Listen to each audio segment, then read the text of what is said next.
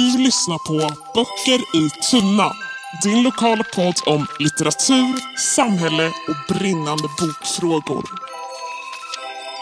Från Eskilstuna stadsbibliotek.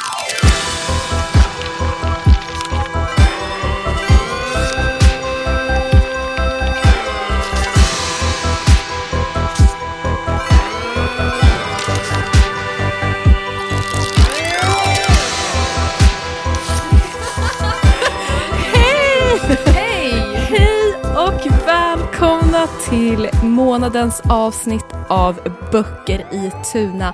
Din egen privata lokala bokpodd som leds av mig, Vincent och Louise. från Stadsbiblioteket.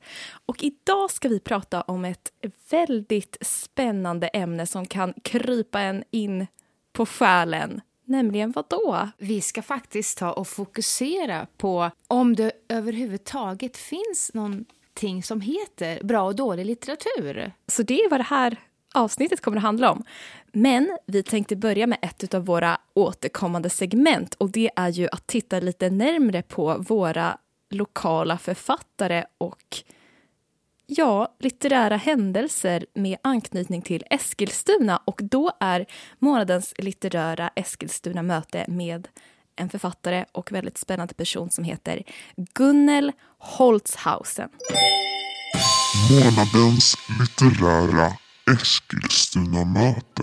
Hennes blick är gåtfull, armarna lyfta i ett uttrycksfullt kors med fingrarna bakåt och uppåt mot fondväggen bakom. Med en frisyr som för tankarna till Sailor Moon iklädd en lång, mörk, pärlbeströdd, tyllkantad, rak 20-talsklänning står hon där på fotot på Wikipedia-sidan. Eskilstuna-författaren Gunnel Holtzhausen. Ena armen är bar och beprydd med tre länkar och fötterna är iklädda romarlika sandaler. Hennes uppenbarelse väcker många frågor och Wikipedia-sidan är skral och därför har jag pratat med Stadsbibliotekets egen Gunnel Holzhausen-expert Malin Andersson. Hon berättar att Gunnel, som är född 1880 i Eskilstuna, levde ett extraordinärt liv med tre utgivna böcker på Bonniers förlag, tre äktenskap och en film och teaterkarriär. Jag vill förstås veta allt, men får vänta till hösten då Malins släktforskning kommer att ge oss en artikel med en mer komplett bild av Gunnels liv och karriär. Denna mångkonstnärliga och okonventionella kvinna från vårt eget Eskilstuna. Vill du låna en av hennes tre böcker? Snurran, en skildring från storstaden från 1921, Skånska noveller från 1925 eller Bruce Kalken från 1927 så går det jättebra att göra ett fjärrlån. Annars ser vi fram emot nästa nummer av Eskilskällans tidning med tema 20-tal där artikeln kommer att publiceras. Och likaså ser vi fram emot Arkivens dag i november där det kommer att hållas föreläsningar på samma tema. Mer info om Gunnel kommer. Hämta tidningen gratis hos oss i höst. Ja, och eh, med anledning av vårt ämne så har vi ju ställt frågan på sociala medier, eller hur Vincent? Yes. Eh, vad, vilken bok är ditt eh, eller din guilty pleasure? Så, och det har vi fått svar nu i Tunas tips och tankar, så det kommer här. Tunas tips och tankar. Irene svarar. Vuxenserien från det glada 80-talet, Epics, Fox och så vidare. Maurits svarar. Första upplagan av Kiss and Payvet, fast det är ett fanzine, inte en bok. Irja svarar. I nedre tonåren var Tarzan min hjälte, i barnåren Babar och Pelle Svanslös. Och nu då vid ålderns höst är jag allätare, men gärna självbiografier eller annat som bottnar i skrivarens egna erfarenheter. Tunas tips och tankar. Ja, alltså det är ju sjukt spännande med det här konceptet guilty pleasure. Varför skäms vi över någonting som vi gillar? Det är ju helt obegripligt egentligen. Handlar det om hur... Alltså att... Eller för mig tror jag att det har handlat om att jag tycker om något som inte riktigt stämmer överens med min identitet eller hur jag vill framstå utåt. Och det är ju skitspännande. Men jag undrar, Louise, vad har du för guilty pleasure? Alltså, herregud. Jag har, jag har många. Eh, så. Eh, jag brukar ju kalla mig lite själv för ett litterärt avskräd. Och det, det, det kan vi ju liksom diskutera här. Eh, jag kanske inte har jättemycket såna eh, när det gäller böcker, men kanske mer musik. Eh, ja, eh, eller just den här känslan av att Eh, oj, men jag vågar inte säga att jag lyssnar på det här och det här. Vad ska de tycka om mig då? Jag är värsta tönten. Så har jag. Många, väldigt många. Eh, och sen har jag fått en annan variant att man låtsas att man känner till ett band till exempel bara för att verka cool. Eh, det är en annan diskussion. Ja. Men i alla fall, nu med det här guilty pleasure. Jag har ju Alltså jag har ju säkert jättemånga, jag har liksom jag har erkänt att jag gillar Kitty här. Eh, fast då får man ju tänka sig att då var jag ju kanske 10 till 12 år. Eh, så då, då känns det ju lite mer okej, eller vad jag ska säga det för. Ja. Eh, men ja, eh, jag ska erkänna i alla fall nu. Och nu får ni Ja, sitter ni ner nu? Jag hoppas jag. Svimma inte nu. Eh, nej, men det här, det här har jag lite problem med att erkänna, måste jag säga. Jag tycker det är lite jobbigt. Men i alla fall. Eh, jo, jag eh, har ju fått för mig många gånger att jag ska bli riktigt eh, eh, kunnig och li- litterär. Finkulturell helt enkelt. Ja, precis. För att mina föräldrar, de har läst, alltså de har läst alla böcker som är utgivna, känns det som. Eh, Men själv har det gått lite, det har gått lite trögare för mig. Eh, Men nåväl, då har ju jag helt enkelt både försökt läst August Strindberg och Dostojevskij. Eh, och det känns ju som någonting som är väldigt så här författarskap 1A. Eh, finkultur, finlitteratur, man får säga så. Men alltså jag har faktiskt inte lyckats. Alltså jag somnade när jag läste Hemsöborna. Flera gånger. Eh, och även Brott och straff. Det är lite pinsamt att erkänna, men jag måste nog göra det i alla fall. Ja. Tack, eh, biktbåset är öppet. Tack för ditt bidrag. Oh, nu får jag se om jag får jobba kvar här, men jag hoppas det. Ja. Självklart. Ehm, men jag, jag, jag tycker att det är väldigt alltså, intressant, ehm, den där debatten som är, att man liksom ska skämmas för någonting som, som inte föll en i smaken helt enkelt. Eh, och så tror jag att det är... ehm, alltså det är nästan... Det handlar ju jättemycket om smak, tycker jag. Men ja, det kan vi ju diskutera vidare eh, en, en annan dag, helt enkelt. Jag blir väldigt nyfiken på det här, om det finns någonting som heter, eller rättare sagt, finns det eh, någon skillnad mellan bra och dålig litteratur? Eller skulle man kunna säga kvalitetslitteratur, populärlitteratur? Eh, jag eh, dök in i den här djungeln som finns av forskning. Jag har bara skrapat lite på ytan, som det heter. Men eh, det här är ju ett oerhört debatterat ämne. Och eh, jag tänkte bara liksom ta en liten skrap här nu på ytan och se vad vi kan få fram. Eh, ja, och själva liksom läsupplevelsen. Eh, vad är det man vill av en bok? Som en som läsare, går du in eh, att du ska, vill du läsa en bok liksom som du har eh, längtat efter, som talar till dig eh, för att du vill ha en läsupplevelse? Eller väljer du en bok på grund av att du tror att den har ett fint litterärt språk till exempel? Alltså, hur väljer man en bok? Det är jättespännande. Ja, eh, och jag, det här är ju jätte... Men i alla fall. Jag började faktiskt med att läsa om just... Ehm, eller jag tänkte att nu, nu ska jag få forskare och eh, litteraturvetare eh, uttala sig om den här frågan. Ehm, och då hittade jag faktiskt ett ställe på Linköpings universitets hemsida där man kunde fråga en forskare. Och då är det en dam som kallar sig för Eva som helt enkelt har frågat eh, den här forskaren som är eh, professor i litteraturvetenskap, Karin Fransén.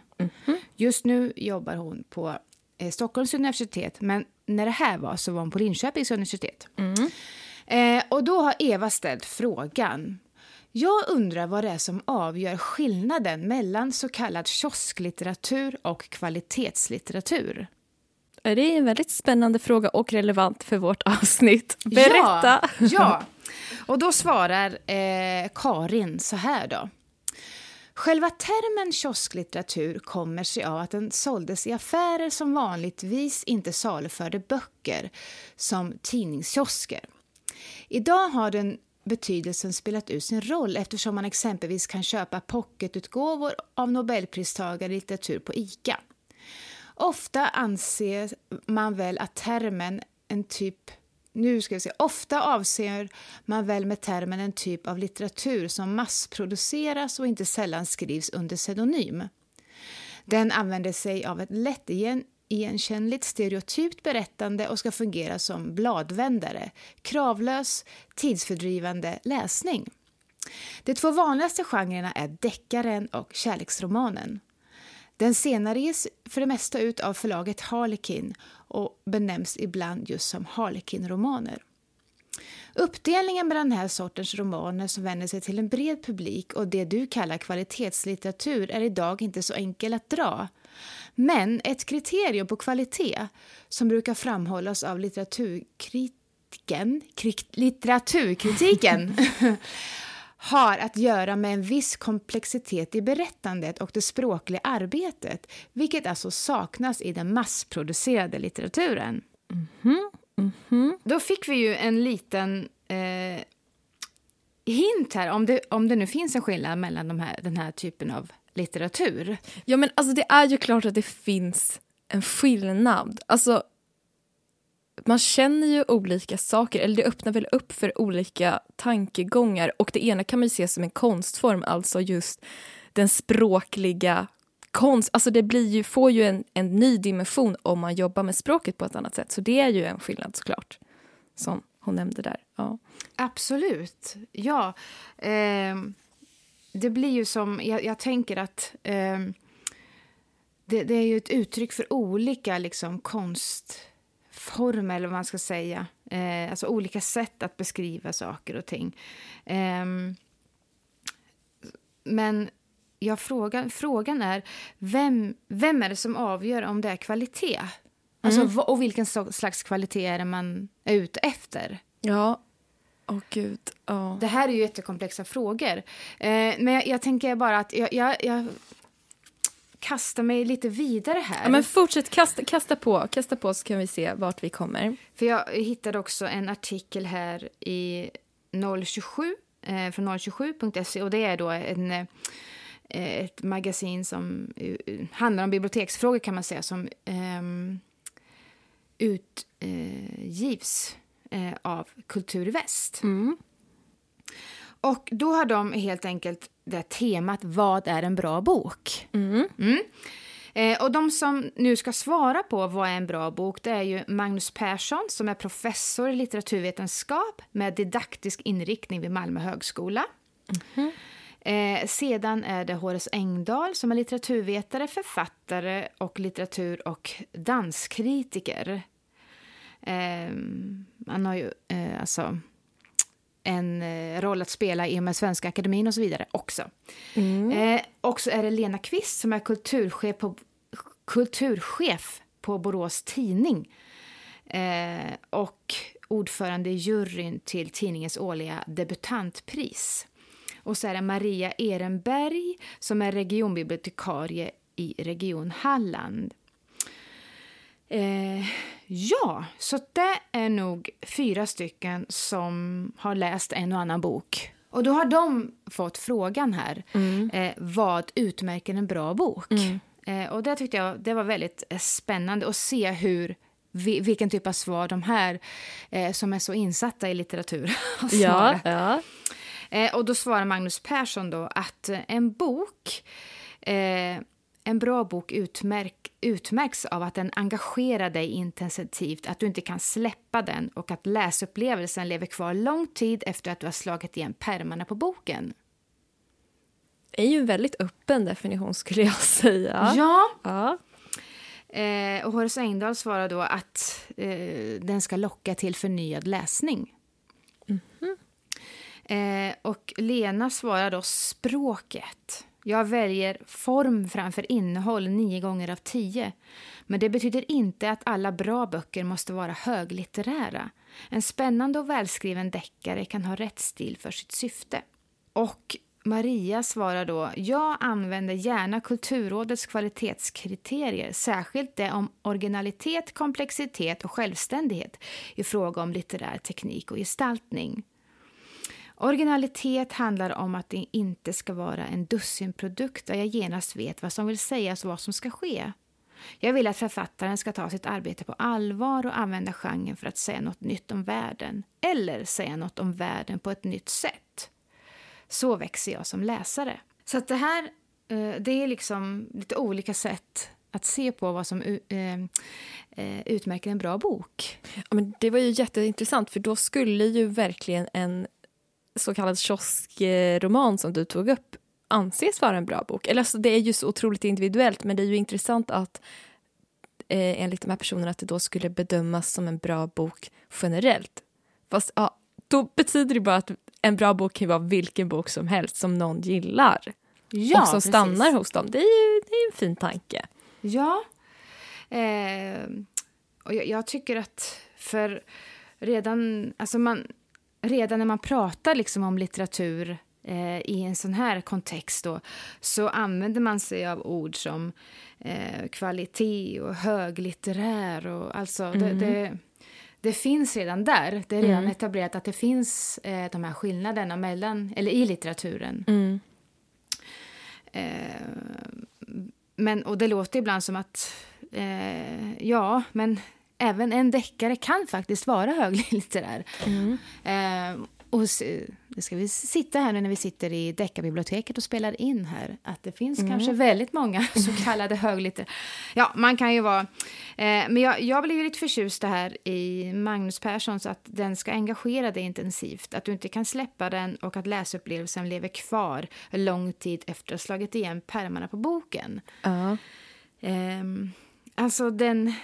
Det, för min del så känner jag att det är ju här, det här ligger något riktigt viktigt. Eh, att välja en bok som, ehm, som du blir påverkad av, så att säga. Eller för, för läslusten, så att säga. Du läser det du vill för att du får en magisk upplevelse. Eh, det är för mig jätteväsentligt och viktigt. Absolut, det är ju jättefint.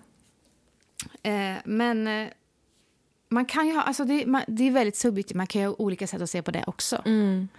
Eh, och vi som jobbar med läsfrämjande på bibliotek, eh, i den här debatten jag har grävt runt där så har biblioteken en väldigt central roll. Ja. Eh, och man pratar mycket om urval, om biblioteken.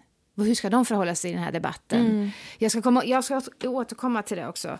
Eh, men eh, alltså jag, för mig känner jag, läs vad du vill så länge du får en magisk upplevelse. Ja, alltså, det är ju så absolut. sjukt viktigt. Eh, och roligt. Eh, och eh, vill man inte läsa, nej, då kanske man hittar sin magiska upplevelse på ett annat sätt. Ja. Ja. Eh, nog om det. De har också fått frågan varför är det så viktigt att prata om kvalitet när det gäller litteratur. Och då svarar Magnus då att eh, det är omöjligt att inte prata om kvalitet menar jag. Och det gäller oavsett om det handlar om deckare eller nobelpristagare. Här kommer också den här deckare, not good. Nobelpristagare, very good. Ja, mm. Eh, och sen tror jag inte att det finns en absolut eh, objektiv måttstock, fortsätter han då. Men det förändrar inte läget. Oavsett sammanhang så är vi som läsare och kulturkonsumenter alltid värderande. Och det tycker jag är bra så länge vi kan argumentera för våra värderingar. Eh, det ligger något i det också. På något sätt, tycker jag. Absolut. Och Lena svarar då för att kvalitetslitteraturen sällan blir bestsellers. Litteraturen behöver specialkunniga läsare som kan lyfta fram den. Den behöver översättningsstöd, författarstipendier, arronderande biblioteksbesök och andra offentliga scensamtal. Där har kvalitetsbedömningen en viktig roll för att litteraturen ska överleva. Lite roligt där, litteraturen behöver specialkunniga läsare. Vilka är de? Ja, det kan man fråga sig.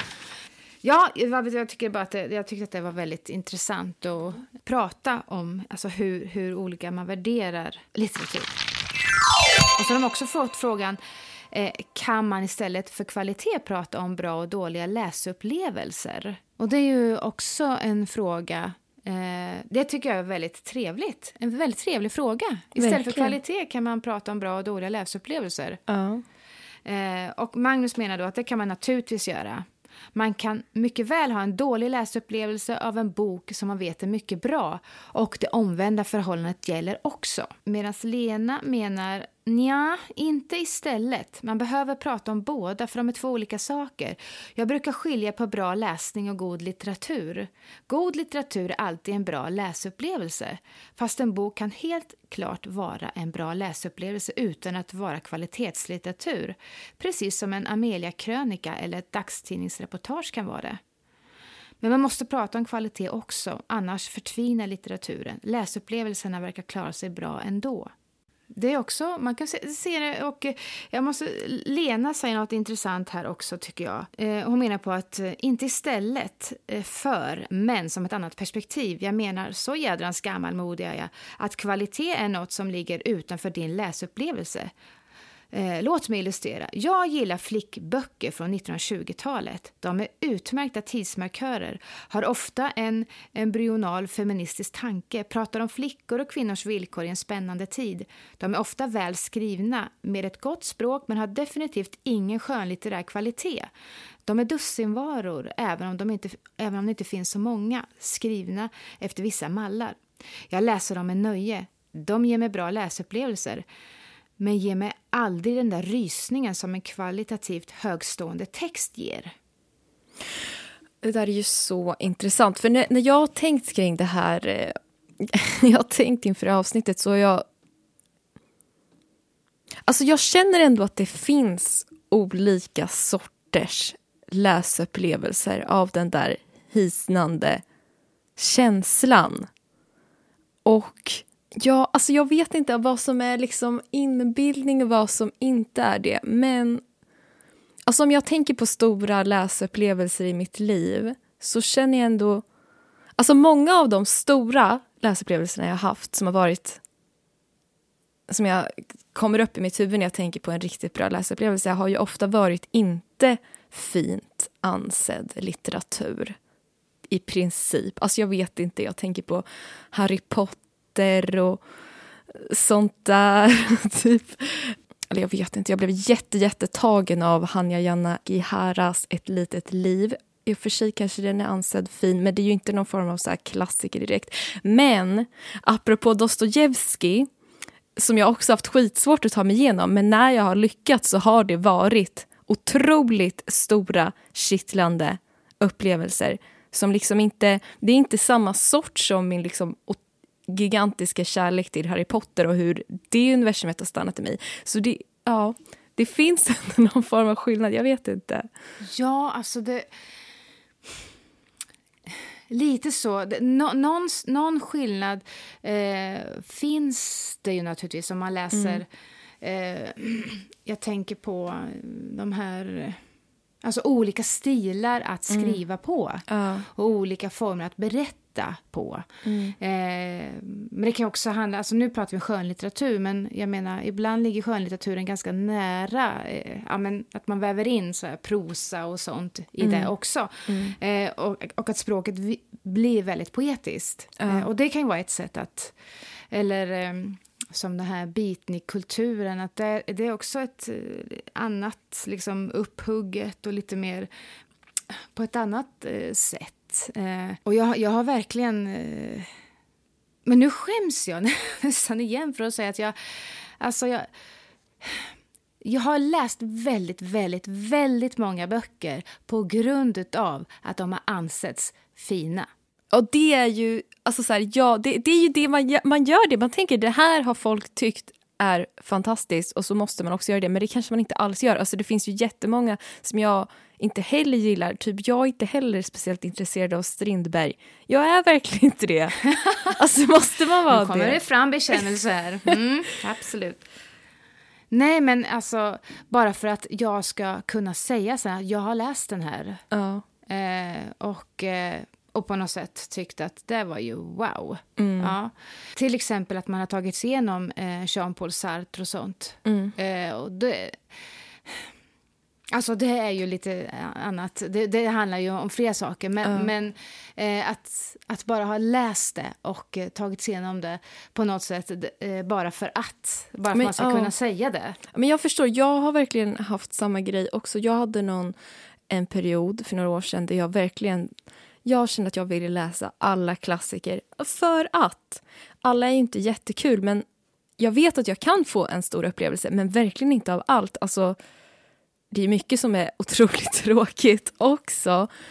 Eh, men sen så hade jag en period där jag typ inte läste någonting alls av olika anledningar. Men för att komma igång med min läsning då fick jag helt enkelt bestämma att jag kommer inte läsa någonting tråkigt eller svårt. Alltså min läs... Jag hade så svårt att komma igång med min läsning efter att ha varit en superläsare att jag bestämde jag kommer bara läsa typ ungdomslitteratur som jag har läst innan. Jag var inget på engelska, ingen, inget från 1800-talet. och eh, det funkade utmärkt. Det gjorde att jag kom igång att läsa igen, för jag älskar att läsa. Och nu känner jag mig eh, mer... Nu är jag stabil i min läsning, så nu känner jag mig mer intresserad av att ta mig an lite... Inte svårare, men saker som kommer att ta emot. Det kommer ta emot att börja läsa någonting som startar med en lång familjehistoria som är helt irrelevant, för romankonsten har utvecklats sedan dess. Så jag känner verkligen igen mig i den här grejen att man ska läsa vissa saker. Men jag har typ kopplat bort det nu. Alltså. Jag känner inte att det är så relevant. Ja, egentligen. Ja. Nej, alltså, och jag känner mer att nej, men nu, nu måste jag, jag måste våga stå för det här. Alltså, jag Ja. måste våga stå för att jag, nej, jag gillar inte Strindberg. Nej! Alltså förlåt August, men tyvärr. Jag tycker inte man behöver säga förlåt. Han har fått kärlek så det räcker. ja, precis. Eh, men eh, nu när jag liksom, eh, vi pratar om läsupplevelser, nu Mm. när jag tittar runt i rummet här ser jag ju det vimlar av deckare av all möjlig som redan här har fått på sig att det är ju ingen kvalitetslitteratur då. Eh, men för mig, jag ser en bok här som jag, jag, alltså när jag var liten och det har verkligen, för mig är det jättekvalitet. Det är ju eh, Conan Doyles Sherlock Holmes, alltså den karaktären och allt han skrivit kring den. Det, jag blev ju helt, eh, eh, vad, vad ska jag säga, eh, ivägspolad håller på att säga, hoptryckt. Men, nej, men det, det alltså, det formade något av min värld alltså, när jag var yngre. Eh, alltså som en s- deckare. Så jag tror att jag... Jag är lite kär i deckare, måste jag säga, ändå. Även det är jättefint. Om, även om eh, man i princip... Det, det är ju en viss... Inte en viss form, de är olika, men alltså, man vet ju lite grann. Mm. Ehm, men jag måste säga att eh, nu på senare år så har deckaren ändå för min del eh, varit eh, nästan den enda sortens eh, genre jag, ska säga, jag kan ta in rent koncentrationsmässigt. Mm. Ehm, jag har fått väldigt svårt att läsa. Jag Mm. lyssnar hellre. Mm. Eh, Och då har det liksom... Deckare har varit en, en liten lagom verklighetsflykt, eller man ska säga. Men det är ju fantastiskt. Ja. Varför ska man läsa något som man inte vill läsa? Om du älskar, eller om du känner att det är det som du kan ta in och vill ta in, då är det klart du ska läsa det och det är jätteroligt. Ja, men sen på samma sätt så här, men alltså varför fick inte jag det här? Varför kan inte jag vilja läsa alla Nobelpristagare? Varför kan inte jag läsa alla? Varför kan jag inte vilja det? Ja, men varför ska man vilja Jag läsa vet, något? jag alltså, vet inte. varför? men jag förstår, alltså, jag, kan, jag förstår, för jag kommer verkligen från den känslan också. Men jag, när jag fick mitt, eh, mitt läshål, då var det som att jag var tvungen att släppa på det. Min identitet som en läsande person som var, hade så här, som läste fina böcker, den försvann. Och så, eftersom att jag älskar att läsa, ja, då fick jag lov att eh, återuppfinna min läsidentitet. Och det var jätteskönt. Och frigörande. Ja, ja. Eh, jag, jag tycker också det. Eh, att man på något sätt lägger de där kraven åt hyllan, eller på hyllan på något sätt. Att eh, gå in med nytt, så att säga. Eh, och det har jag nu eh, på, på ålderns höst, håller jag på att säga. Eh, nej, men att jag har liksom, nej, jag skiter i det här nu. Förlåt, jag får inte säga. Men alltså, det är ett, eftersom jag är gammal filmvetare också, där har det också varit att vissa filmer är stora, de här är fantastiska. Och, eh, jag, kan, jag kan se re- rent eh, tekniskt sett att de är underbara, alltså så. Men det hindrar ju inte mig från att somna när jag ser dem. Nej, alltså tyvärr är inte det ett hinder.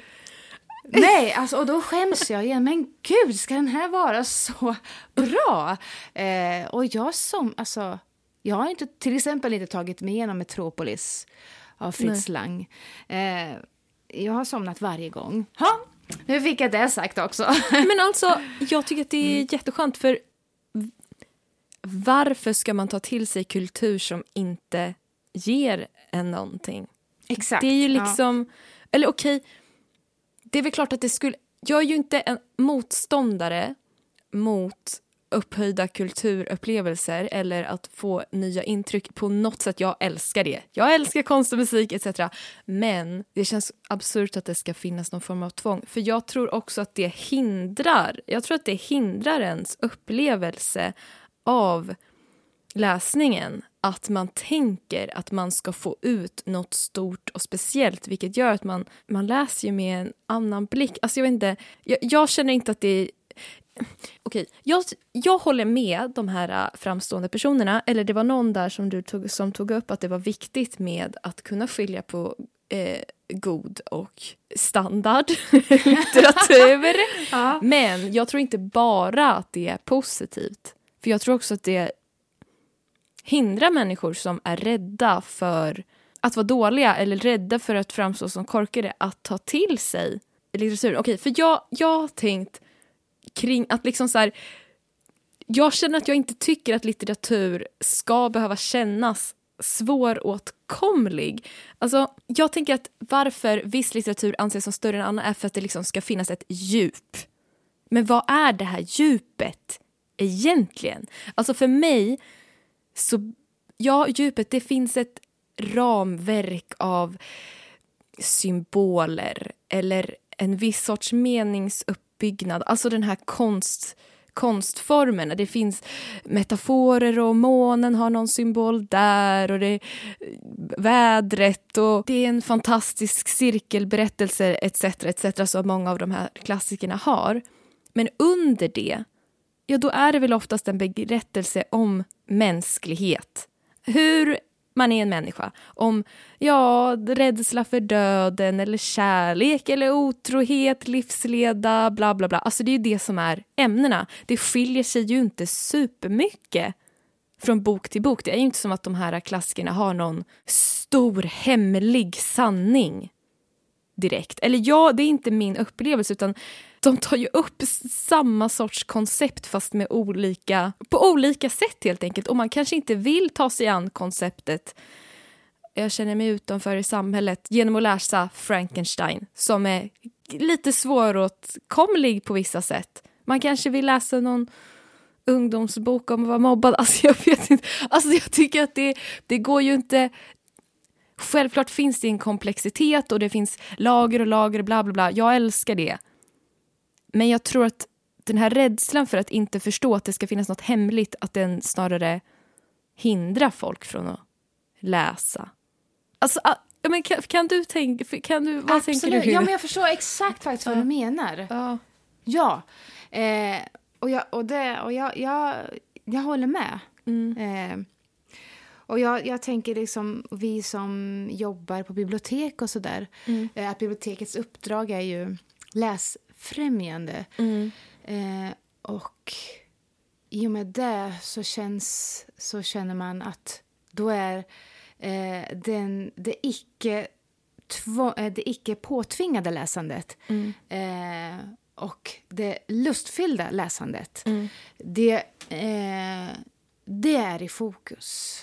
Alltså, ehm, ma, man ska eh, välja en bok som man vill läsa. Och sen finns det ju liksom, eh, man kan, som du säger, Frankenstein eller någon annan, kanske en ungdomsbok om att vara utanför. Alltså det, det är två olika sätt att ta sig an det här. Men där ska man eh, få, ha den eh, man, man, man ska välja den, det som ligger närmast ens egen, sitt eget hjärta, sitt egen smak, tycker jag. Ja, men verkligen. Och jag tycker, alltså jag tycker att det finns någonting... Det är klart att det finns något fint i att...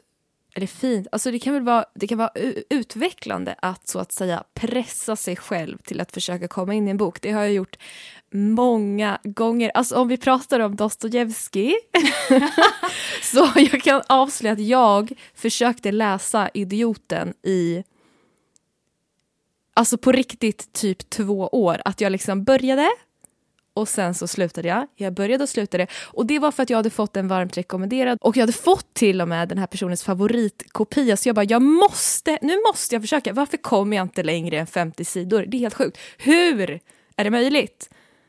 Men till slut så pressade jag mig. Jag säger inte att det är bra att man ska göra det, men jag gjorde det. Och då fick jag en upplevelse av någonting. Det var, och det var stort. Det var stort och fint, men det kom ju 300 sidor in och det var jobbigt fram tills dess. men det var värt... Okej, jag, nej, okej, jag, skulle, jag kommer nog inte pressa mig själv i två år till att läsa något. Jag ska klara det här! Men det var utvecklande. Det var utvecklande. Sen så känner jag att den, den, det jag fick från den boken, jag vet inte om det har levt kvar i mig supermycket, men det, jag säger bara, det, det är klart att det kan vara bra att läsa någonting som känns svårt eller läskigt, men man måste inte göra det för att vara en bra människa. Vilket jag tänker att vissa som har rört sig i någon form av kulturvärld eller bland andra läsande eller andra människor som är intresserade av konst tänker att så här, man måste vara smart. Om man är smart, då kan man ta till sig viss konst. Men man kanske... Nej, man kan vara smart på olika sätt. Man kan tänka på olika sätt. Man kan tycka om olika saker. Så är det bara. Ja, eh, word på den. Nästa ämne. Ska man prata om kvalitet eller ska man prata om en bra läsupplevelse? Jag vill jättegärna höra. Eh, alltså nu, och nu kan jag bara, jag måste bara bekänna färg här på en gång. Alltså jag tycker läsupplevelsen är eh, det som ska, din smak och din läsupplevelse. Alltså det, det är ju så viktigt att man, hur ska jag säga, utvecklas, må bra. Eh, Lär sig något, eller vad som helst. Alltså en bok som bara, wow. Eh, jag kom till en annan värld eller någonting. Mm. Alltså den upplevelsen. Eh, sen om det är utav en eh, Nobelpristagare eller om det är av en deckarförfattare, det får ju den individen som har läst den eh, avgöra. Verkligen. Jag har då hittat en... eh, det finns ju väldigt många forskningsrapporter, uppsatser om det här ämnet och så. Eh, och då hittade jag en eh, som heter Jackie Collins är jättefarlig. Debatten om populärlitteratur 1980 till 2004 av Jenny Hedström. Och hon har då skrivit den här vid Uppsala universitet. Men hon har i alla fall, hon hänvisar till en forskare här eh, som heter eh, Johan Wilhelmi, tror jag man kan uttala det som. Eh, och eh, som då pratar om smak eller värde i en bok med samma namn. Eh, så han eh, då tar ju upp den här diskussionen om det finns något objektivt värde i den goda litteraturen. Eh, och kan beteckningen en bra roman betyda olika saker beroende på vad man vill få ut av sin läsning? Och han då diskuterar eh, den här föreställningen om estetiska omdömen. Om de är subjektiva eller objektiva. Det är lite som vi har varit inne på nu. Eh, han menar då att författarens avsikt med sin bok måste överensstämma med läsarens förväntningar. Eh, och ehm, till exempel om man söker underhållning så blir man frustrerad över en bok som är alltför seriös eller så vidare. Eh, Och då har han då delat in litteraturen i olika grupperingar efter olika fiktioner där han kallar den första gruppen för kommersiella underhållande fiktioner. Och eh, sen har han då... ehm, och det är, den här gruppen kännetecknas av att det ska gå, läsningen ska gå snabbt. Eh, och det är ett första hand ett tidsfördriv utan någon större ansträngning. Då.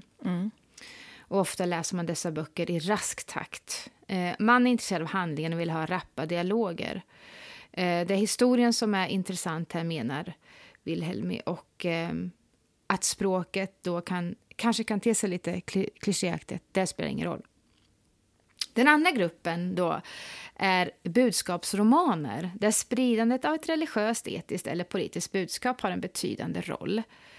Eh, och där är läsningens funktion att få läsaren att ta samma ståndpunkt som författaren. Och sen finns också experimentella fiktioner där bokens form inte försöker underlätta för läsaren. Snarare kan läsningen försvåras och tvinga läsaren till eftertanke. Det låter som en bok. eh, och här kräver läsningen tankearbete. Eh, och i texten finns inga klichéer. Ehm, och den sista gruppen då är existen, existentiell litteratur. Eh, och han, här nämner, eh, nämner han till exempel processen av Kafka eh, eller Främlingen av Camus. Han menar att målet med denna typ av litteratur kan vara ett ifrågasättande av läsarens fördomar och värderingar. Han menar, eh, betonar dock att dessa grupper inte innefattar alla olika typer av romaner som finns. Men att det här resonemanget går ut på att vi inte kan värdera litteratur som bra eller dålig utan att titta på vad boken har för ambition. Och där tycker jag, liksom att om någon, men, om någon säger att en bok är bra, då menar man liksom lite olika. Alltså, det som är bra för mig, det kanske inte är bra för dig till exempel. Nej.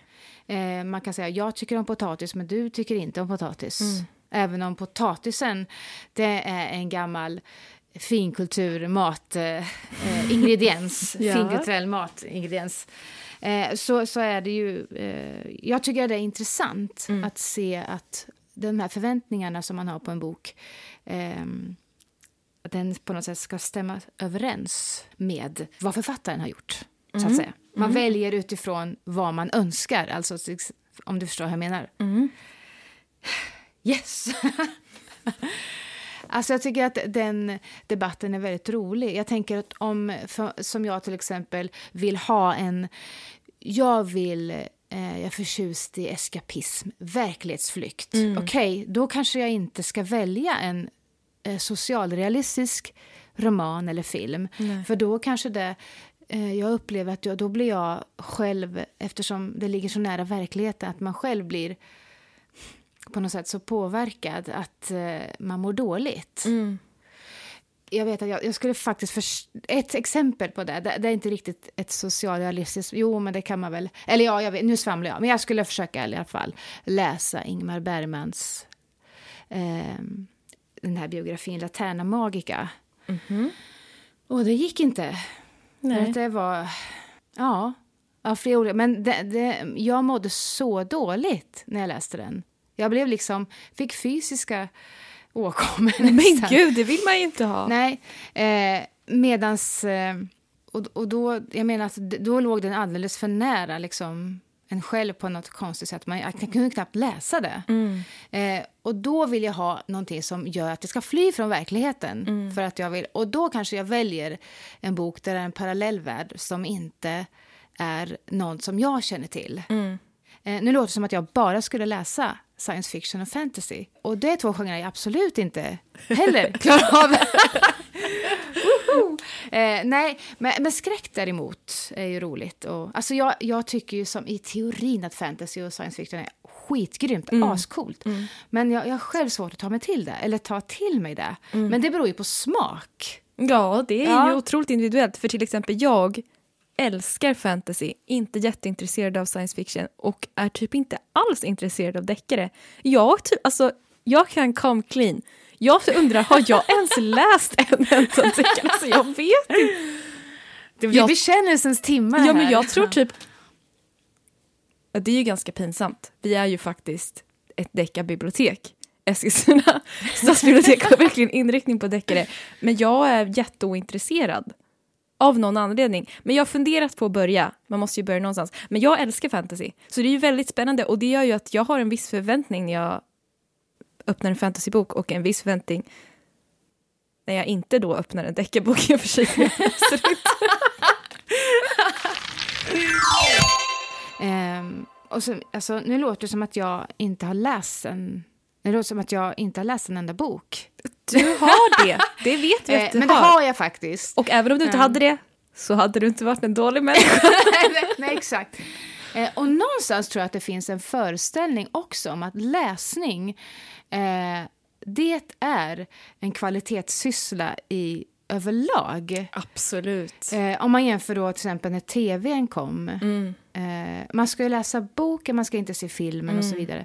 Eh, så alltså, läsning, det, det, det anses på något sätt, har jag fått för mig det. Eh, och, och, det, och det kanske och det hör också i den här debatten lite knepigt att om man inte läser, eh, det är inte säkert ens att man kan läsa. Nej. Eh, och jag menar, alltså, det har ju inget att göra med... Man är ju en, en unik varelse. Alltså, det, det har, det har liksom ingen betydelse om du läser eller inte. Och, eh, därför blir jag, man blir ofta lite... Jag kan bli lite rädd när man möter lite sånt här. Att det finns någon... Eh, man kan tro att det, det är lite... Eh, vad ska jag säga? Fint att läsa. Ja men verkligen, alltså det här har jag tänkt på angående det här med finkultur och fulkultur. Att jag först tänkte, ja, för jag har tänkt lite på vad finkultur är och fulkultur är idag. Alltså, eh, och något som jag verkligen kom fram till är ju att det beror ju så otroligt mycket på vilken grupp man tillhör. Alltså vil, vart i vilket socialt sammanhang man befinner sig i. För visst, i en krets med människor som konsumerar så kallad finkultur så är ju läsning redan en självklarhet och då kan man ju göra ett urval. Men bland, i en annan grupp där läsning inte är något som folk i ens närhet pysslar med, då anses ju bara läsning i sig vara en finkulturell syssla oberoende av vad det är man läser. Och det är ju väldigt intressant och konstigt för liksom att man typ är smartare för att man tar till sig information via text eller vill ha en kulturupplevelse via text. Det är väldigt skumt. Och har väl också någon form av klassaspekt i sig, att det här med att man studerar.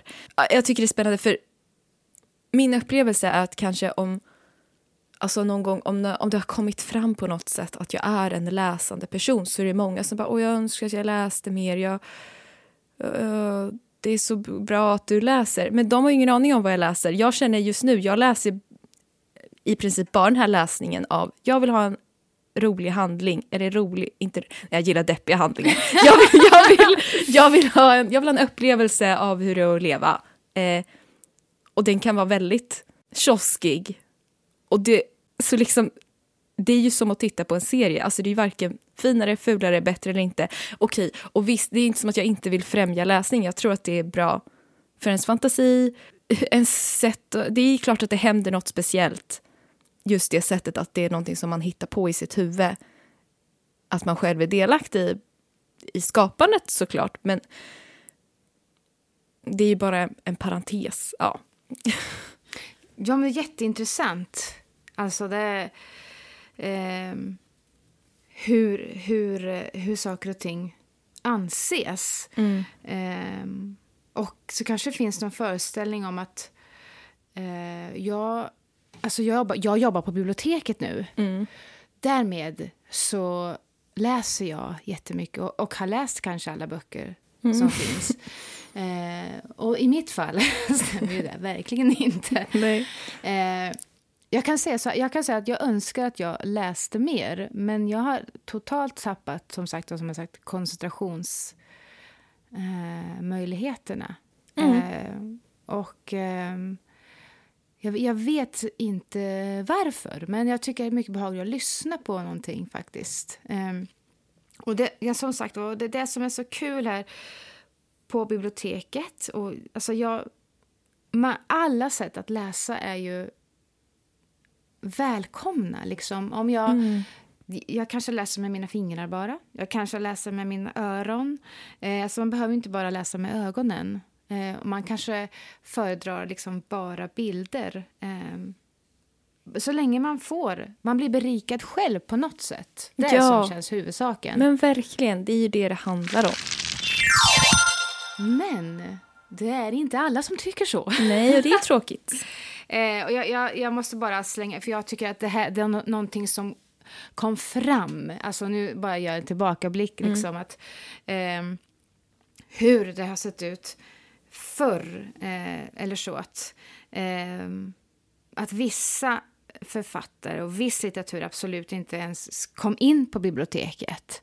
Nej. Alltså att det, även om du som, som eh, läsare skulle vilja läsa så fanns inte boken för att någon annan hade bestämt vi ska inte köpa in den för det är undermåligt. Eh, Och vad var det här? Kan du inte berätta mer? Ja, eh, och det här, tycker, alltså det här är en debatt. Nu eh, är ju 2021 nu. Ja. Eh, och det här härrör, hör, härrör ju sig ett antal år tillbaka, runt alltså 80-90, alltså, ja, slutet av 80-talet kanske i alla fall. Eh, och eh, med den här debatten om vad som ska finnas på biblioteket och inte. Och det, tycker, alltså det är ju jätteintressant. Men i alla fall, i det här fallet så pratade man om eh, det så kallade tandsnuskets skyddshelgon, nämligen Jackie Collins. Berätta. Ja, ehm, och jag måste bara... För hon... Även om eh, nu är det lite omodernt att prata om Jackie Collins idag kanske eftersom... ehm, Det är många som levde då, exakt. så, som lever nu. Det var Ja. ju inte så länge sedan, va? Nej, det är inte det. Eh, men i alla fall. Eh, och eh, när man då eh, till och med sitter i... Eh, nu prassar jag med lite papper här igen. Eh, jag hittade sånt roligt eh, utdrag faktiskt ur eh, ett eh, sammanträde i Stockholms eh, kom- kommunfullmäktige faktiskt den, andra, eller den 5 februari 1990. Eh, där det har då Eh, var ett yttrande som handlar om en interpellation om bibliotekens inköpsprinciper och principer för förmedling av fjärrlån. Eh, och eh, det här med fjärrlån kommer jag inte gå in på, men att man då eh, har kommit fram till, när de ska diskutera hur biblioteken ska välja in sin litteratur.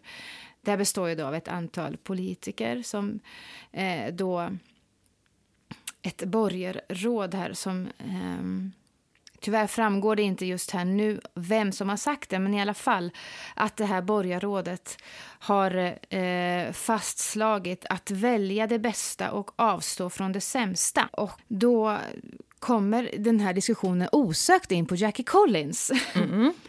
att eh, det är en författare som eh, eh, saknas helt på stadens huvudbibliotek i Stockholm. Då alltså. Ehm, och eh, sen finns inte några böcker heller av Biggles. Och eh, så skriver, så kommer det fram här att eh, eh, att man i dagens Sverige inte vill låta kvinnor läsa de böcker de själva önskar läsa har jag svårt att förstå, säger det här eh, anförandet. Ehm, Spännande. i alla fall eh, så är det olika politiker som, som svarar på den här interpellationen. Och då är det bland annat Stella Fare som eh, säger så här. Ordförande fullmäktige. Det är rätt skojigt att diskussionen om Jackie Collins vara eller icke vara på biblioteken äntligen har trängt in i denna ärevördiga församling. Vad jag förstår har den frågan ännu inte diskuterats öppet och fritt i biblioteksnämnden och det tycker jag är synd. Jackie Collins fick så fantastiskt mycket reklam genom den debatt som uppstod kring frågan om biblioteken skulle köpa in hennes verk. Själv menar jag att Jackie Collins i dagens läge inte hunnit bli historisk och att hon inte hör hemma på biblioteken. Ett enstaka ord i det borgarrådet sade är för mig väldigt centralt, nämligen att biblioteken har en folkbildande uppgift. Just nu är det ingen författare som har en så vid spridning och som är så kommersiellt gångbar som Jackie Collins. Och i det svåra val som vi måste göra mellan olika böcker kan inte Jackie Collins vara den vi ska prioritera. Ja, det är väldigt spännande. Jag tycker det är väldigt roligt att de, har, eh, att de diskuterar Jackie Collins i kommunfullmäktige. Ja, alltså jag känner, kan man få lite bakgrund? Vä- Vänta, vilket år var det här? Det här var 1990. Men det låter ju helt sjukt, det var ju inte ens länge sedan. Eller vad är det så här? Kan... Ja! Eh, och eh, vi... vi, vi eh, alltså, Jackie Collins eh, böcker eh, gick heller inte att om man får tro nu allt som står överallt. Men alltså, ehm, det här är ju...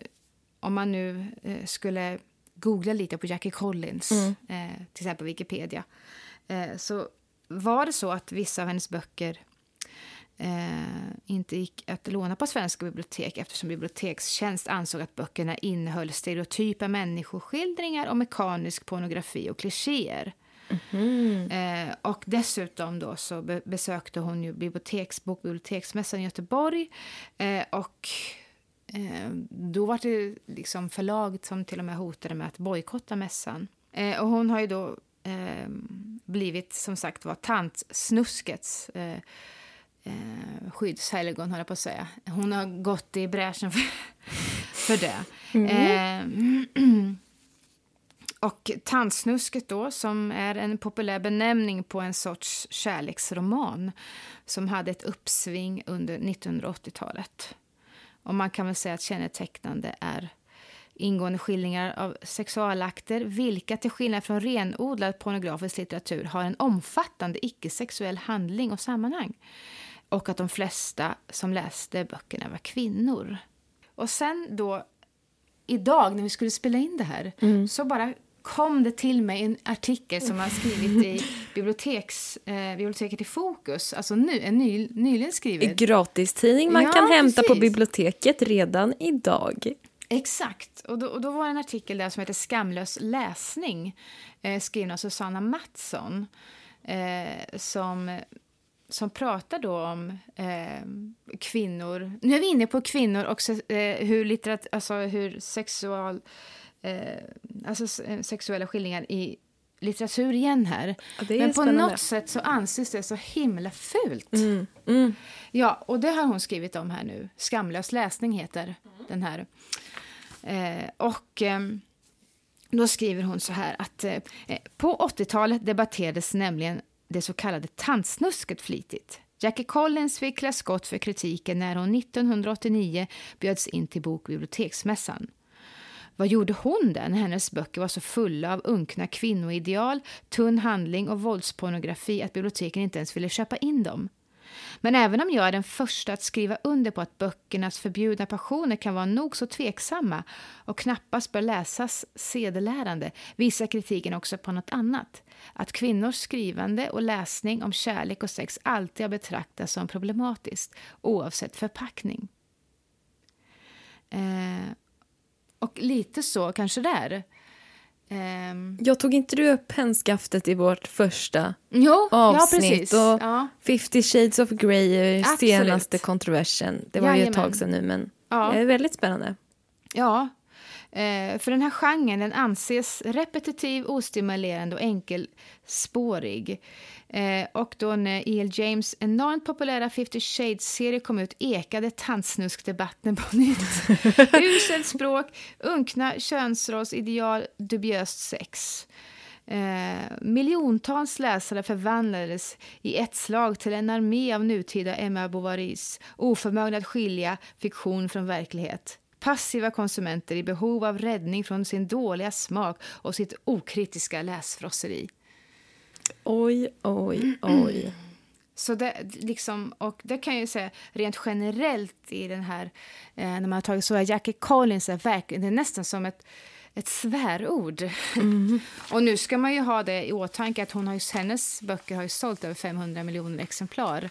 Ehm, så någonting måste ju ändå eh, ha gått ganska bra. Ja, precis. Absolut. Men det finns ju, alltså det, ja, många, alltså Mar- Margit Sandemo får ju också ganska mycket, hon, den här sagan om isfolket. Just. Ehm, på något sätt att det är lite fult, eh, det här med flärd och, eh, ja, men likadant eh, här eh, Jean Emanuels Grottbjörnens fjol... Grött... Grött... Grottbjörnens... Grottbjörn, grottbjörnens folk eh, har också blivit... Alltså det, det är som någon slags... Eh, har blivit en så symbol för det här tandsnusket. Ja, men alltså... Nej, vad skulle du säga? Nej, men jag bara Oj. tänker att det... Eh, och det är så himla tabu. Det är ju helt absurt. Jag känner främst att det är så himla märkligt att tänka att att uppskatta sån litteratur gör att man inte kan uppskatta annat. Eller som att människor vore helt enkelspåriga. Varför kan man inte få läsa lite tantsnusk och sen kan man väl läsa lite Strindberg sen, eller va? Och det är väl inte heller jättesköna kvinnoroller där kan man väl säga, eller va? Alltså, jag känner, alltså människor är ju inte bara endimensionella. Jättemärkligt att tänka nu ska vi rädda kvinnorna från snusket. Alltså va? alltså, va? Nej, ofta det, det är ju alltså det är ju kvinnor som skriver på det här sättet. Ja. Eh, och det är det som är så intressant. Mm. Och uppenbarligen är ju någonting... Eh, jag menar, Jackie Collins hon skrattade väl när hon gick till banken. Jag menar, alltså, jag tänker att 500 miljoner... Mm. Alltså, om man nu ska tänka så, så hade ju hon... Hon kanske hade slagit an någon nerv. Mm. Eh, men det känns som att det är absolut tabu. Eh, du läser inte Jackie Collins, punkt. Det Och det ska Ja. absolut inte finnas på biblioteket. Nej, det är väldigt Eh. spännande. Ja, och det här var, alltså det här var ju under 80, 80-talet. Eh, och det känns ju eh, hur man kan... Alltså hur kan man... Eh, någonting som, som kanske faktiskt människor tyckte om att läsa. Mm. Ja, det gjorde de ju uppenbarligen ma- med massa miljoner exemplar sålda. Det är superintressant. Eh, Jag skulle vilja slå ett slag för förlaget Queerlekin som eh, kom eh, för några år sedan och startade upp med liksom open calls för att människor skulle skicka in anonymt eller under pseudonym om de ville sina Harlequin-inspirerade queera berättelser där de alltså tryckte upp alltså, samlingar, alltså ganska korta berättelser, men det var ju ett väldigt spännande in- initiativ. Då blir det som någon form av hyllning till det här alltså romantiska berättelsen, kanske med sexuella inslag, fast med fokus på en queer sådan istället. Och det tycker jag var jätteroligt. Vilken rolig... Ja. Ja, min, nu vet jag inte, det känns som att det var några år sedan senaste boken kom ut. Nu är det återigen något så här, jag har inte kollat upp det här, jag bara kom att tänka på det. Så jag minns inte när det senast kom ut, men alltså runt 2015 var det ja i det mina sociala ja. medier populärt i alla fall. Ja. Coolt! Ja. Ja. Eh, det känns, nu känns det nästan lite som de här... Eh, alltså det här eh, Harlequin, att det nästan har, liksom, har fått någon slags kult. Eh, det kommer en liten kult kring ja, men det istället. precis, precis. Ja. Det skulle kunna leda in samtalet på att jag försöker klura ut vad som är finkulturellt och fullkulturellt idag. ja, Är- det måste vi höra. Alltså, okej, om vi kommer tillbaka till de orden. Alltså, för jag, alltså jag känner att det är ganska lätt att tänka, eller lätt, alltså det är inte lätt, men det känns som att vi har en uppfattning om vad som är finkulturellt och fulkulturellt. Ja, sån där Harlequin-böcker, det är fulkulturellt. Det är lite fult med deckare och ja, sånt. Men alla de här värderingarna har ju ändrats under under åren. Och saker som var ansett som jättefult förr i tiden är ju superpopulärt nu. Eller typ Shakespeare var ju jättefolkligt, bla bla bla. Och nu är det stor och fin konst. Men jag har försökt klura, alltså vad, hur ser det ut nu? För jag känner mig så förvirrad. Vår samtid är ganska märklig när det gäller det kulturella. Så jag, kan inte, jag har ju inte alla svar. Jag har bara försökt tänka lite själv, så det blir väldigt subjektivt. Låt höra. Ja, men så här, om vi utgår från vårt västerländska perspektiv så har ju just queerkulturen, arbetarklasskultur och kultur från olika minoriteter och som sagt klassisk kvinnokultur. Det har ju inte stått på display i finrummet direkt. Det, så har det ju inte varit. Och jag tycker att det är viktigt att vara medveten om att så här, mycket av det som anses vara finkultur, eller har gjort det, ofta kommer från ganska ett och samma perspektiv medan minoriteters kultur och syn på världen sällan eller aldrig har höjts upp till finkulturell status.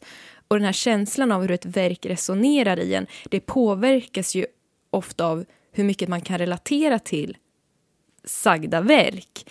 Eh, och om det då är väldigt många inflytelserika tyckare som till exempel kanske varit rika akademiska män från Europa eller USA så är det inte speciellt konstigt att många av de författare som har blivit mest upphöjda av sagda kritiker har skrivit utifrån det perspektivet. Men alltså, med det sagt så... Jag håller med om att det finns en storhet i jättemånga klassikerverk. Alltså det är inget sånt. Men jag tror att det kanske finns verk som inte blir uppmärksammade eller inte har blivit uppmärksammade på samma sätt i historien på grund av att de knyter an till en annan verklighet. Liksom. Men det jag vill säga att jag känner att det här har ju börjat skifta. Alltså det här har ju börjat röra på sig. Kontinentalplattorna har börjat förflytta sig under de senaste åren med olika samhällsrörelser. Och också en annan grej. Jag tänker att det här med att vi i millennials generationen, om man får använda ett sånt uttryck, alltså att vi som är födda tidigt 80-tal till mitten av 90-talet har fått mer inflytande i kulturvärlden så känns det som att jättemycket som har ansetts varit fult har gjorts fint. Som till exempel den här kultstatusgrejen. Eh, för att det är många i den här generationen som pysslar med någon form av postironi. Alltså att man typ, ja men man arbetar med humor och referenser som är både ironiska och inte på samma gång och då kan ju vad som helst vara i ett finrum, alltså om man tänker samtidskonst etc. Och typ så grafiska romaner och nörderi, det anses ju numera var, kunna vara stor konst. Alltså liksom rollspel och fantasy, det är rumsrent. Alla älskar Game of Thrones, det samtalas om på kultursidorna alltså etc. Och det kan ju ha varit en bedömning, eller en, någon form av klassifikation, att saker blir recenserade i fin media att det är, ska vara någon form av finkultur. Eh, och jag tycker att det är supersvårt. Vad, vad, om nu allting kan vara fint eh, på ett ironiskt sätt, vad är då fult? Alltså jag vet inte, för jag känner att ganska nyligen så kändes ju manga och animekulturen alltså japanska tecknade serier, ganska långt ner på skalan av fin kultur och fulkultur. Eller håller inte du med? Jo, alltså, absolut. Det känns väl inte... Ja.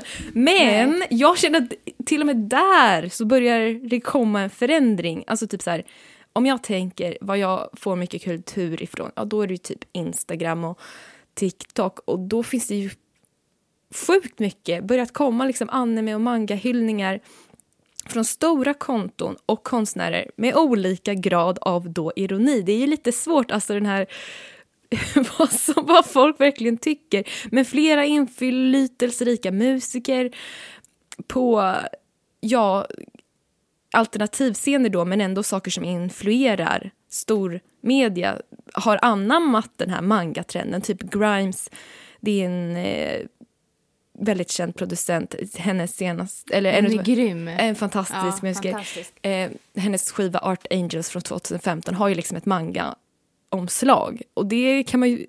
kändes ju lite...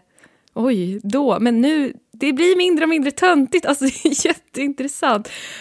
Men samtidigt... Alltså för att kunna då förstå den här...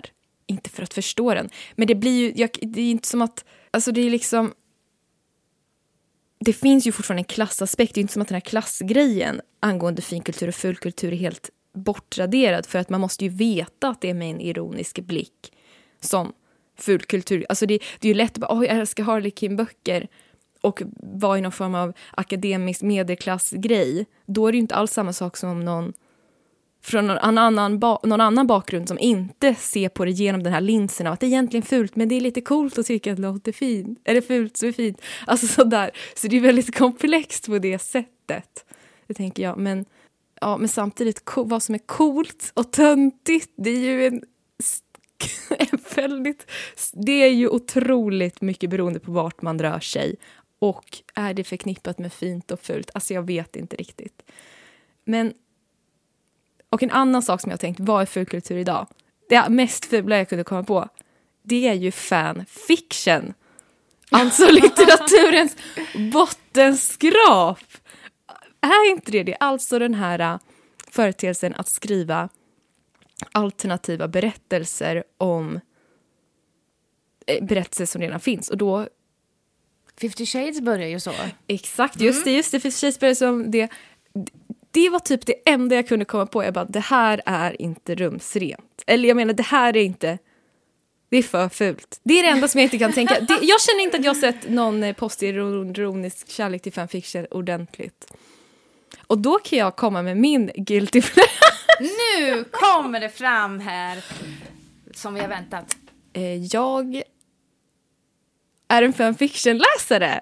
Ja! Jag älskar Harry fan-universumet. Eller så här, jag kan tala om för er omedvetna lyssnare där ute att fans av Harry Potter-serien har skapat en helt egen kanon kring universumet. Till exempel, vad hände? Hur såg det ut på Harry Potters föräldrars tid? Vad hände då? Vad hände efter kriget? Vi är många som inte är nöjda med slutet på Harry Potter kan jag tala om. Vem som fick varandra etc. Och det finns, okej, det finns extremt mycket skit. Alltså det finns så mycket subjektivt från mig, dåliga berättelser. Eh, men det finns också jättefina och roliga och bra.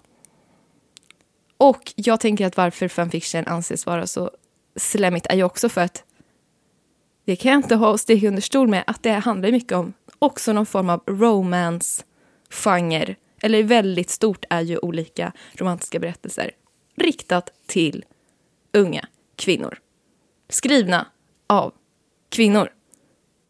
Kan bero på det, kan också bero på den litterära kvaliteten. Den varierar kan jag tala om. Men ja, det var det jag hittade på Fulkultur idag. Ja. vad känner du? Om du tänker nu 2021, vad ser du? Eh, om, jag, om jag bara rent, tänker så här rent på en spontant hur eh, världen, världen och världen har ändrats. Att eh, nu har vi ju liksom nämnt eh, alltså Strindberg, Bergman, Dostojevskij. Mm. Sådana här tunga eh, mansnamn. Ja. Eh, men idag så är ju... Om man tittar på liksom... Eh, för det var kanske de som kom fram, trots att det fanns många kvinnor också då. Men nu eh, har man äntligen börjat... Eh, alltså kanske att man har ställt dem lite åt sidan på något sätt. Och för att eh, man har insett att okej, det finns inte bara de här tre, utan det finns väldigt många andra och det finns kvinnor.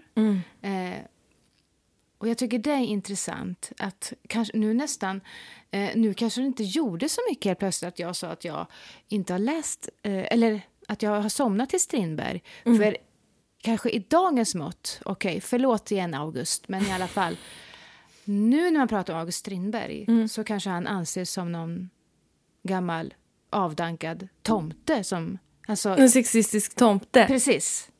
Absolut. Det, det känner jag verkligen finns en strömning att så här, förkasta de här gamla män, männen. Ja. Eh, så att eh, kan, det kanske finns något... Där finns det fina har blivit lite fulare.